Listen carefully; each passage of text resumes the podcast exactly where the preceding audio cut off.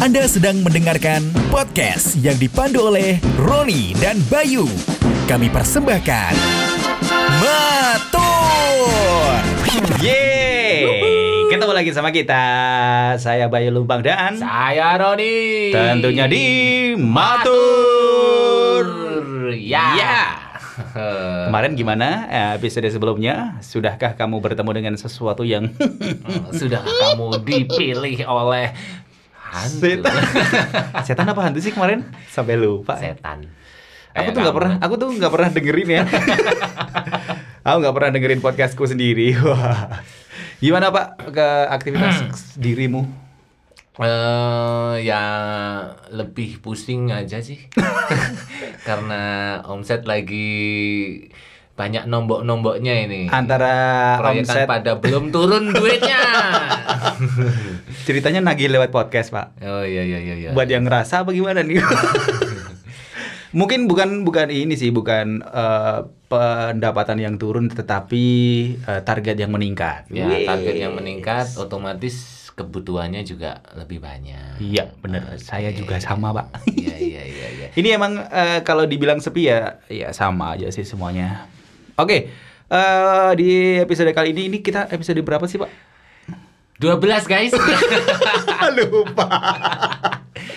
Eh, jadi eh, hari ini kita tidak akan me- kita tidak membuat sebuah pokok bahasan apa pun. Kita pengen Iya. curhat-curhat. Dan spesial untuk edisi Gaya kali bebas. edisi kali ini, eh, apa yang mau kita bicarakan itu baru akan ditentukan setelah ini. Setelah ini betul betul betul. Ya, Jadi betul, dari tadi itu betul. sudah mulai rekaman dan lain-lain, Ya. itu kita belum menemukan apa yang mau dibahas di sini. Ya, dan kita memu- memutuskan untuk gaya bebas, freestyle. Iya, freestyle. Freestyle podcast. Mungkin nanti kalau ada teman-teman yang pengen eh, kira-kira apa sih yang mau dibahas, wah, nanti bisa ya nggak bisa dong, Pak. Maksudnya, tapi ini sih Pak. Oh bisa bisa dengan dengan mungkin ke- kamu bisa bikin Insta Story Nanti saya bikin instastory ya Pak ya. Iya. Kira-kira apa yang mau dibahas ini. Soalnya dari kemarin itu banyak teman-teman yang eh, minta ke saya untuk ayo dong kapan kita diundang untuk di podcast Hmm. lu. Terus aku balik nanya, kamu ada eh, kira-kira sesuatu apa yang bisa mengubah Indonesia? Wah, Wih. Ternyata nggak punya Pak. ya nggak apa-apa. Nggak harus Mungkin- mengubah sih ya. Mm-mm.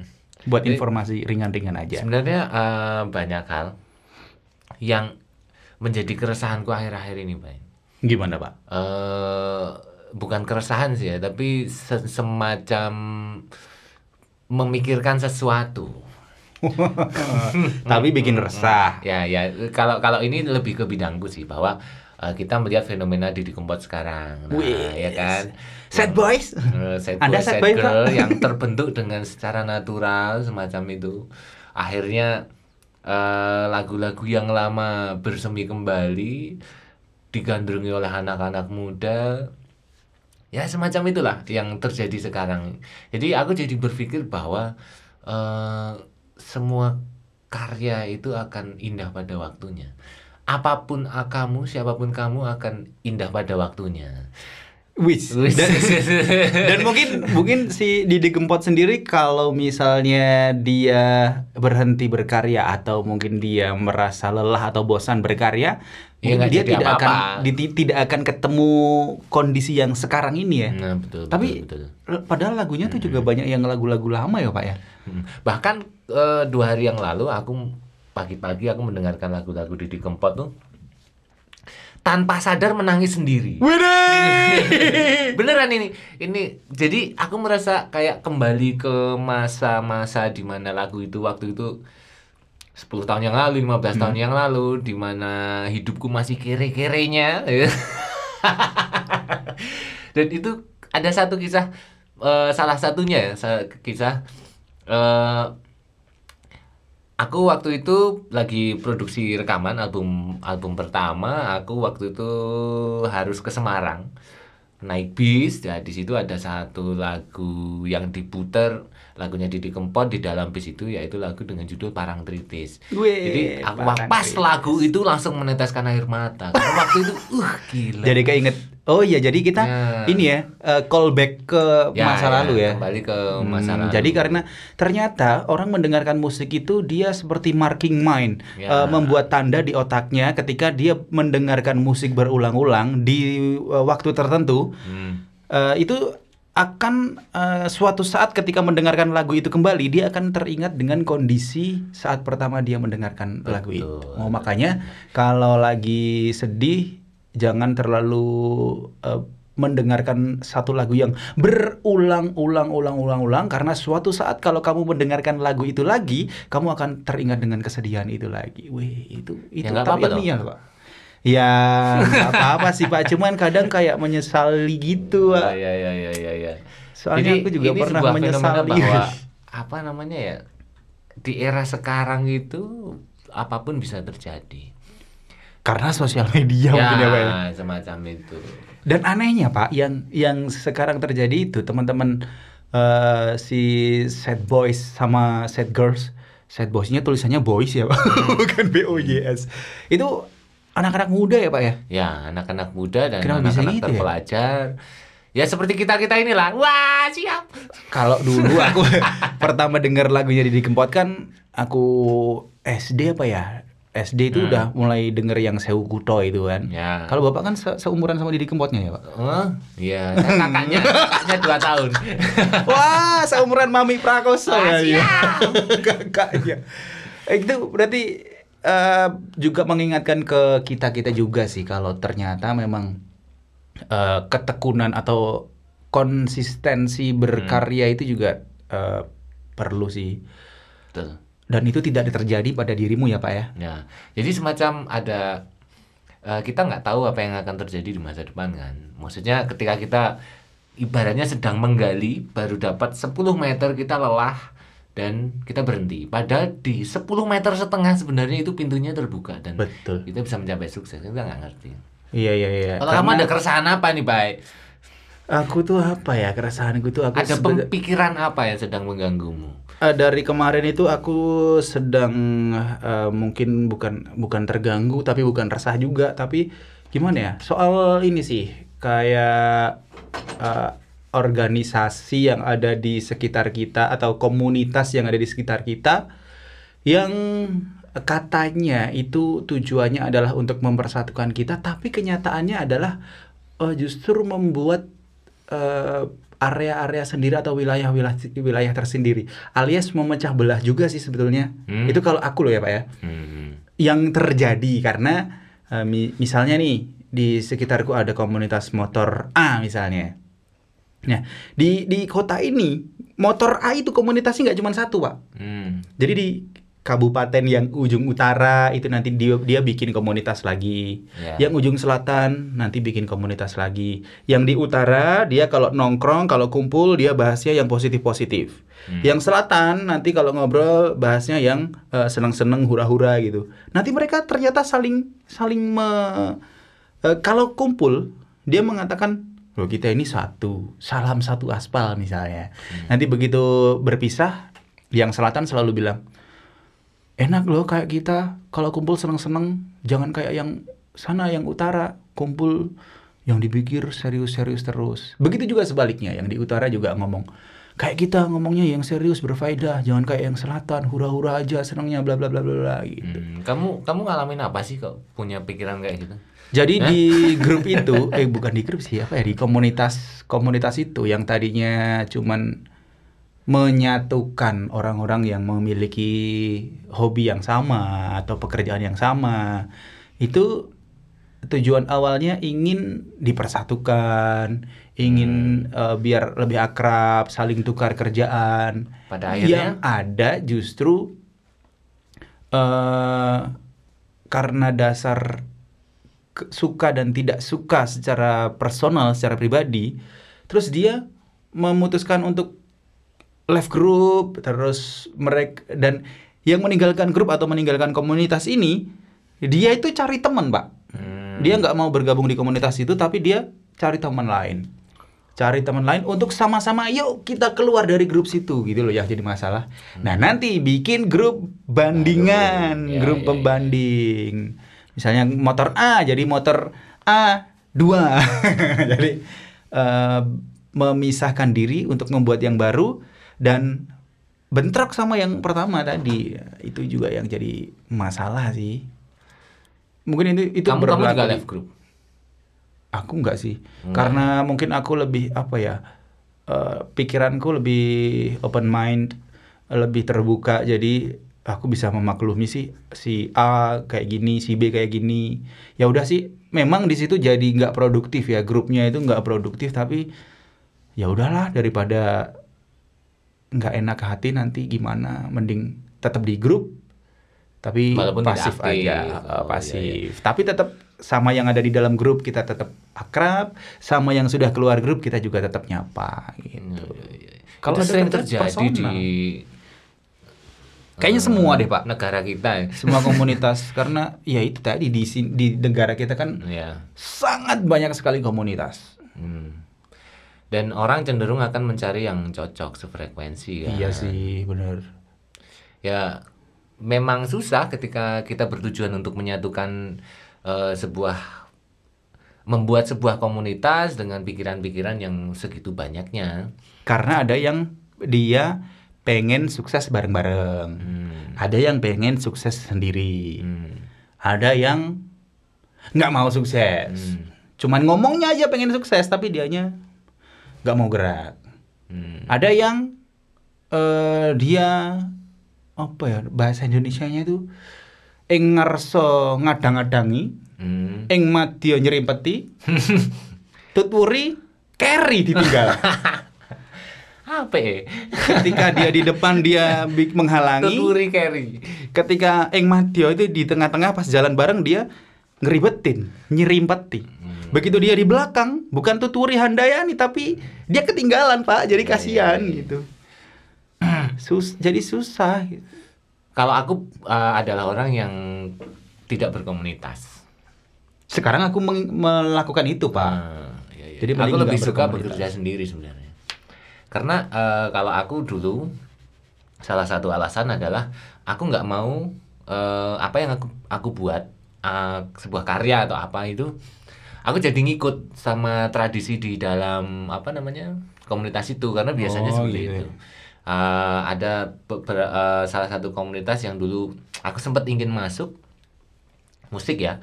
Terus mereka semua juga berkarya dan pada akhirnya karyanya semuanya hampir sama. Eh, secara garis besarnya hampir sama. Nah, di situ aku merasa bahwa aku nggak mau seperti itu. Aku ingin ingin lepas, aku ingin berbeda dari siapa pun karena eh, itu menjadi cita-cita kan setiap apa? Setiap pekerja seni atau seniman kayak gitu ya pengen eksklusif juga sih Pak, ya. pengen beda. Nah, deng- aku melihat bahwa ketika aku berada di dalam komunitas itu, aku akan sama dengan yang lain gitu. Karena kita setiap hari berkumpul mungkin, setiap minggu berkumpul dan kita mendengarkan musik yang sama atau tanpa sadar itu akan masuk. Ketika teman yang berkarya kita mendengarkan karyanya juga otomatis akan masuk. Habitnya akan berubah. Jadi habit habit berkarya ya. Aha, jadi aku memutuskan untuk sendiri dan it works. Itu berhasil. Walaupun akhirnya aku tidak mendapatkan dukungan dari komunitas itu. Jadi kayak memang kayak sendiri gitu. Eh, komunitas atau kumpulan beberapa individu ini kan ada yang sifatnya komunitas hanya senang-senang. Hmm. Ada yang komunitas yang memang eh, paguyuban pekerjaan. Ya. Kalau eh, di, di tempat Pak Roni, oh Pak Roni. Asem. Kalau di komoditasmu itu eh, persaingannya bagaimana Pak di secara pekerjaan? Kalau pekerjaan yang selama ini ya, ya tetap aja ada persaingan sebenarnya. Aja ada, ada aja.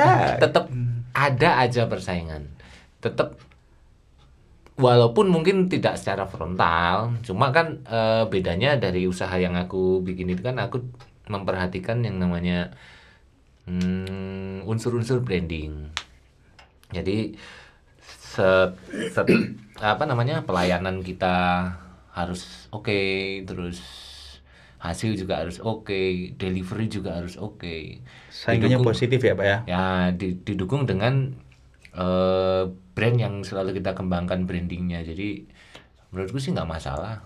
Pas nih kalau ngomongin branding, Hmm. terus ngomongin eh, komunitas. Ini biasanya Ini loncat-loncat loh ini kita ngomong. Tapi ini ada- apa kayak tapi bebas, nyambung, kayak Ini bebas. nyambung, Pak. Jadi- ini kayak bebas.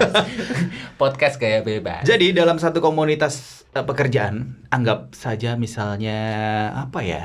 Hmm, misalnya eh, apa ya? Makeup artist misalnya. Hmm. Ada satu kelompok makeup artist, entah itu komunitas, entah itu paguyuban atau apalah apalah persatuan makeup artist se Jakarta Raya. Jakat- Jakarta Selatan misalnya. Hmm. Itu selalu di sana ada da- yang namanya pertentangan harga, Pak. Hmm. Ah, ini kalau menurutmu gimana Pak? Ya ada selalu ada yang bilang, aduh kamu jangan banting harga dong, kamu jangan ngerusak harga dong. Hmm. Nah ini yang dimaksud ngerusak harga itu kalau menurut dirimu gimana Pak? Sebenarnya kalau aku sih eh, tidak berada di area itu sebenarnya. Justru aku malah yang membuat harga dan orang harus ngikut hargaku. keren keren keren keren keren keren. Tapi aku juga gitu sih kalau. Jadi eh, mungkin ini juga buat teman-teman juga sih kalau misalnya punya punya brand brand apa pun kemudian ada teman-teman kamu yang memiliki produk yang sama kemudian harganya beda ini kayaknya nggak usah ini deh ya nggak usah terlalu dipikirin nggak usah Selama terlalu kita ya. percaya dengan apa yang kita perbuat dan awalnya sebenarnya begini, ketika eh, memang banyak sih yang yang kalau di salah satu divisi di usahaku katakanlah di wedding gitu kan, Mm-mm. ada yang bermain di harga yang segmen bawah, menengah dan ada yang atas. Nah, kita memilih untuk yang di menengah dan yang di atas gitu. oh ya Tapi- jadi udah menentukan pasar ya Nah, pak ya Tapi sebenarnya mereka punya pasarnya sendiri-sendiri. Kita juga nggak bisa menyepelekan yang di bawah, katakanlah eh, foto yang hanya jualan. Mereka jual jasa, tidak menjual apa sebuah karya kan ada. Iya, iya, Maksudnya benar-benar. mereka hitungannya kayak menerima jasa foto manten ya kita jual jasa juga. roll-rollan kita jual jasa juga. Maksudnya ada yang di segmen bawah yang mereka eh, bermain di ya kayak ibaratnya orang ngasih uang ten- ngasih uang untuk membayar tenaga dia gitu, Mm-mm. dengan harga segitu. Itu juga nggak bisa disepelekan juga kalau kita bicara soal nominal ya. Mungkin mereka ber- bermain di katakanlah di nilai yang sedikit, tapi dalam satu bulan volumenya banyak, Pak. tinggal pilih ya pak ya kita mau Ya, mau di mana ya tinggal pilih mau di mana. Jadi eh kalau di aku mungkin sebulan 5 10 itu sudah banyak banget 8 ya pernah sih aku kalau yang divisi wedding dalam satu bulan 18 kali juga pernah. Tapi itu pun kita ngerjakannya sampai pusing-pusing banget. Nah pendapatannya besar kosnya juga besar. Iya, Jadi iya sebenarnya nggak ada masalah sih cuma yang jadi masalah itu kan ini pak.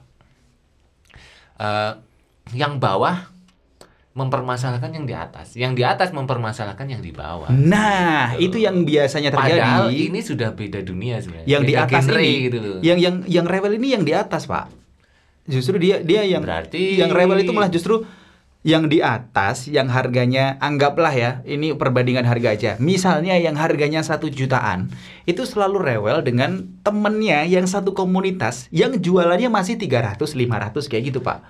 Kamu tuh jangan ngerusak harga dong. Kita itu harusnya Nah, udah ya, harga kalau- satu jutaan. Kok kamu masih 300 ribu sih? Padahal kalau menurutku ya pak ya eh, orang yang biasanya beli harga satu jutaan dia tidak akan beli yang harga 300 ribuan begitu juga orang yang biasanya belanja barang 300 ribuan dia akan jarang beli yang harga sejutaan jadi udah punya pembeli masing-masing udah punya pasar masing-masing Ya, semua yang terjadi semua gontok-gontokan sebenarnya itu bisa dikatakan branding juga ya. Jadi ketika kita membuat brand itu, membuat usaha itu, kita segmennya sudah kita tentukan, brandingnya juga kita tentukan, jualannya berapa juga kita udah pastikan itu. Ya itu semua masalah waktu. Balik lagi kayak Didi Kempot tadi.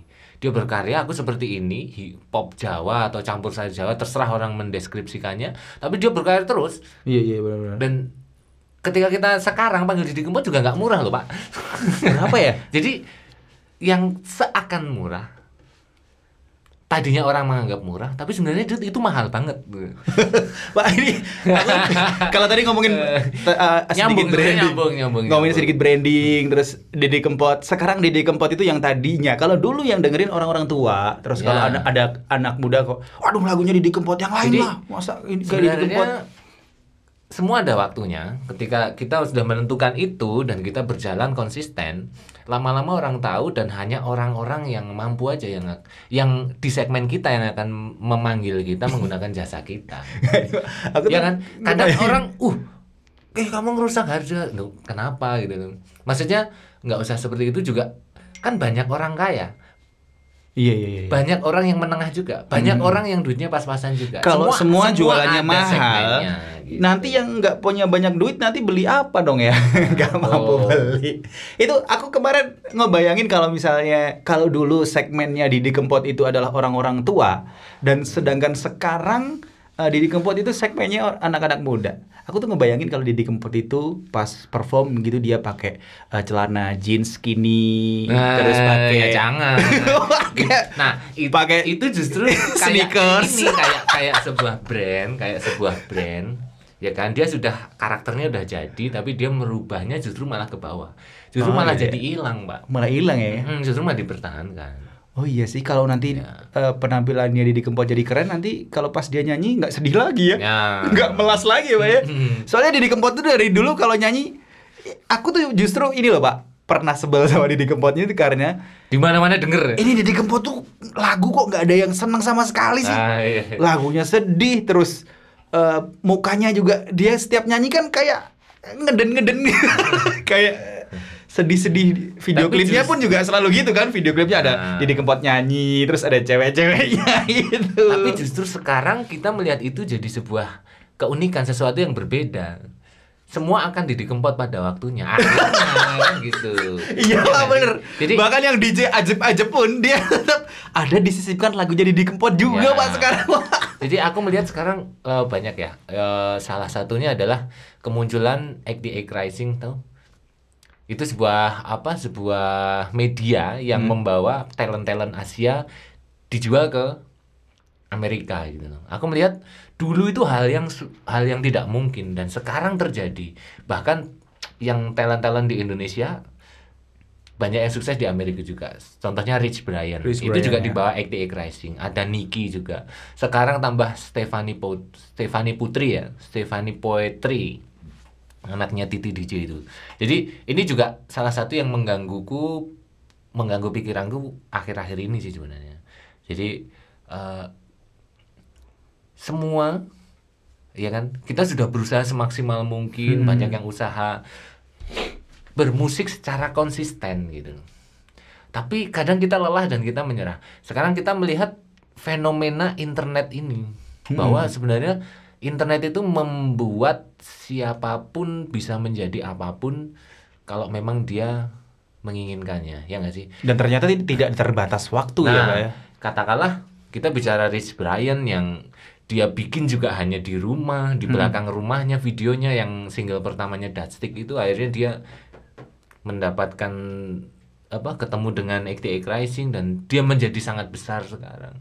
Kemudian ada Stephanie Putri kemarin yang dia bikin lagu yang dia edarkan juga sendiri.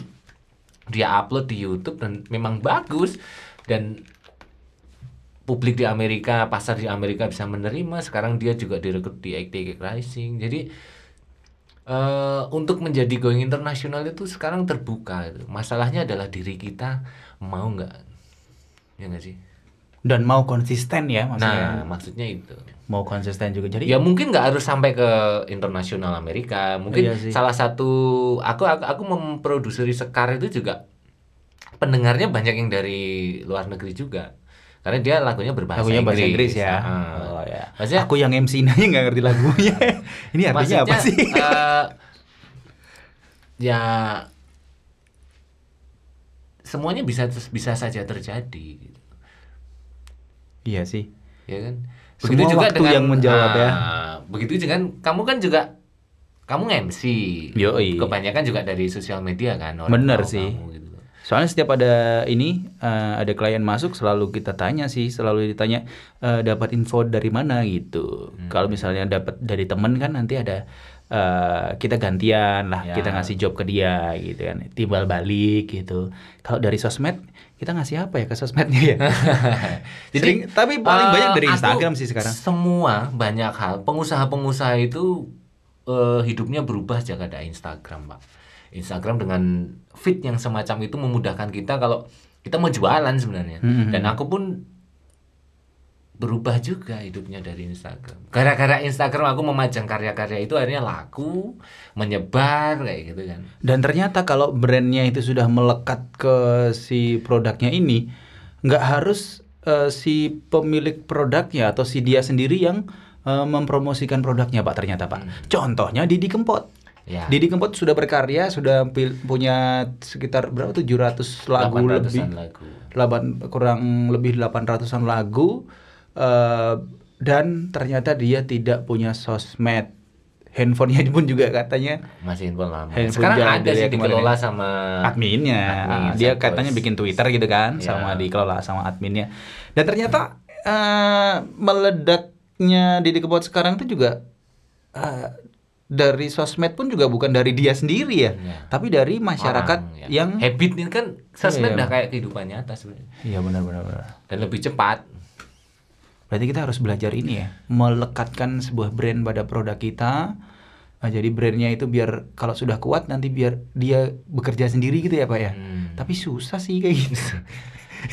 kalau dia omongin Jadi gampang. ah, kita harus punya sesuatu yang yang mau dipersembahkan ke netizen atau masyarakat gitu ya. Iya. Karena kita mem- gimana ya? Maksudnya kita kita harus mempunyai keunikan tertentu untuk bisa eh, mencuri perhatian orang. Karena ini semakin susah sekarang. Bayangkan kita di Instagram setiap hari melihat gambar bagus. Iya Kalau kita hanya bisa membuat gambar bagus saja untuk mempromosikan produk kita atau mempro menarsiskan diri kita atau apa pun itulah. Orang akan melihatnya biasa aja. Dan coba aja lihat, tetap yang naik daun itu yang unik, Pak. Iya iya. Kadang justru malah biasa uniknya aja. pun juga banyak saingannya ya pak. Nah, katakanlah kayak Pak Ndul, ya kan. Iya, iya. Fenomena Pak Ndul juga begitu yang orangnya sebenarnya pinter tapi membodohkan, Membodohkan diri. diri. Tapi malah laku, orang malah suka gitu. Iya iya sih yang Jadi yang keunikan eksklusivitasnya ya, unik, unik, unik, unik, unik. Bener bener bener. Dan aku Susahnya justru- tuh di aku situ, lagi Pak. lagi posisi sangat happy dengan eh, apa namanya kemunculan kayak Rich Brian, Stefani Putri dan Nicky yang dia bisa go internasional karena ini ada side effect pak, side effect yang akan terbentuk beberapa tahun ke depan anak-anak muda ini jadi punya alasan untuk berkarya.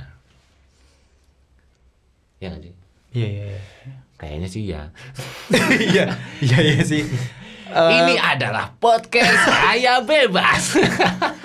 tapi tetap tetap garis besarnya tetap masuk sih pak yang Ah, jelas iya, eh, dari fenomena Didi Kempot terus dari fenomena Hmm. yang tadi kita eh, ngobrol soal komunitas ini kita jadi sebenarnya banyak belajar juga sih untuk eh, konsisten dengan apa yang kita kerjakan nggak Ya. peduli kapan kita suksesnya ya konsisten itu yang susah. Terus kita nggak usah sekarang di ada di posisi yang masih mempermasalahkan soal harga eh, ngerusak harga banting-bantingan harga. Itu kayaknya teman-teman nggak usah memusingkan itu deh karena eh, kaos murah juga ada pembelinya kaos branded yang harganya juta-jutaan bahkan puluhan juta juga ada pembelinya Nah. tinggal kamu pilih kamu pengen jualan apa dengan harga berapa dan kamu tentukan siapa yang beli produk atau barang-barang jualan kamu itu Ngomongin apa lagi nih Pak? nah kalau tadi kita ngomongin tentang Didi Kempot eh, sekarang kita sudah tersambung dengan Didi Kempot halo Didi Kempot apa passwordnya Apa itu? Sayang sekali karena uh, Didi Kempot sedang sibuk jadi tidak bisa menerima telepon dari kita. Ya. Konsisten itu salah satunya dengan kita bisa sampai ke episode 12 ini Pak. Nggak konsisten konsisten banget sih. Aktif hanya kurang disiplin. Ah, Ya, nggak apa-apa. susah loh. Maksudnya bayangkan ya kita kita hidup di di kota kecil Mm-mm. yang lingkungan kita juga begini-begini aja gitu. Iya sih. dan kita membuat sesuatu yang ya begini ya pasti sesuatu yang biasanya orang-orang yang sukses di podcast ini juga rata-rata orang orang-orang di kota besar gitu Iya benar-benar. bahkan kita bisa lihat kan kita sudah berusaha promo aja ini jujur-jujuran ya pendengar kita juga nggak bisa kayak yang di Jakarta yang Iya, benar sih. anu. ya walaupun tetap banyak tapi tidak sebanyak mereka itu kayak Iya, Raditya. Dika yang dia sudah seleb bikin podcast ya langsung trending nomor satu nomor dua nomor tiga eh, naik Sekarang turunnya Deddy di area juga itu. bikin. maksudnya ketika ki- bisa nggak sih kita berpikir begini ketika kamu bikin sesuatu di Jakarta bagus naik terkenal it's okay gitu tapi ketika kamu bikin hal yang sama tapi kamu di kota kecil seperti kita dan bisa sukses seperti yang di kota-kota besar itu sesuatu loh pak Iya. Tapi tetap nggak sih? semua berat sih, Pak. ya berat Sama-sama sama-sama punya segmen masing-masing. Dan ternyata makanya keunikan itu yang yang susah itu keunikan Makanya kayak kita aja ini udah banyak banget teman-teman yang minta diundang di podcast kita untuk dijadikan narasumber. Mungkin teman-teman kalau yang dengerin Mater Podcast, yang teman-teman yang ada di sekitar kita yang biasa ketemu sama kita berdua, terus pengen diundang untuk eh, jadi narasumber di podcast kita, eh, mungkin kalau teman-teman punya sesuatu yang itu sekiranya keresahan keresahan atau unik, apa. seru, Nah, atau kita kamu punya kita bisa bahas keresahan ini. yang bermanfaat atau eh seenggaknya apa yang disampaikan itu berfaedah. Eh enggak enggak enggak berfaedah juga enggak apa-apa, Ding. sebenarnya nggak masalah sih masih yang unik deh, yang unik deh. yang anis- ada something ada sesuatu Iya, ada yang bisa kita bicarakan gitu. Yang kita tidak pernah mendengar sebelumnya. Eh, betul Gitu ya. Kalau udah pernah dengar tiap hari mah buat apa ya? Gimana, Pak? ngomongin apa lagi nih pak Oke, karena ini kita kita lumayan sih. Hmm. podcast kita bicara konsisten ya podcast kita sampai ke titik ke hari ini pun kita dengan kesibukanku kesibukan kamu toh pak ya susah juga loh ini kita bertahan Iya sampai sih. sekarang ini Iya ya, ternyata konsisten sampai di Dan kita- episode 12 aja susah banget ya. aku yakin suatu saat podcast ini akan akan apa? Tapi emang susah sih pak. Iya, iya, Benar-benar iya, iya. susah. Akan meledak lah paling nggak banyak pendengarnya gitu. Tadi aku mau ngomong apa ya? men- kita menjadi lebih aktif lagi. Karena memang susah kita menyempatkan waktu untuk kita rekaman seperti ini saya longgar bapak sibuk. Bapak longgar saya Ya. sibuk. Giliran longgar semuanya alatnya rusak. Hmm. ya gimana ya? Ya ternyata emang susah tantangannya juga banyak Iya, iya, iya, iya. Oke, panjang ya panjang ya padahal kayak bebas kayak gini. Sebenarnya banyak banyak hal cuma eh, nanti kita pelan-pelan kita bedah aja. ya. M- Mungkin yang episode episode ke depan kita langsung tentukan aja. Kita mau ngomongin apa? Ya karena eh, dari awal kan kita pengen bikin podcast karena untuk menyampaikan keresahan-keresahan kita. Sedangkan semakin kemari kita berdua itu nggak punya keresahan.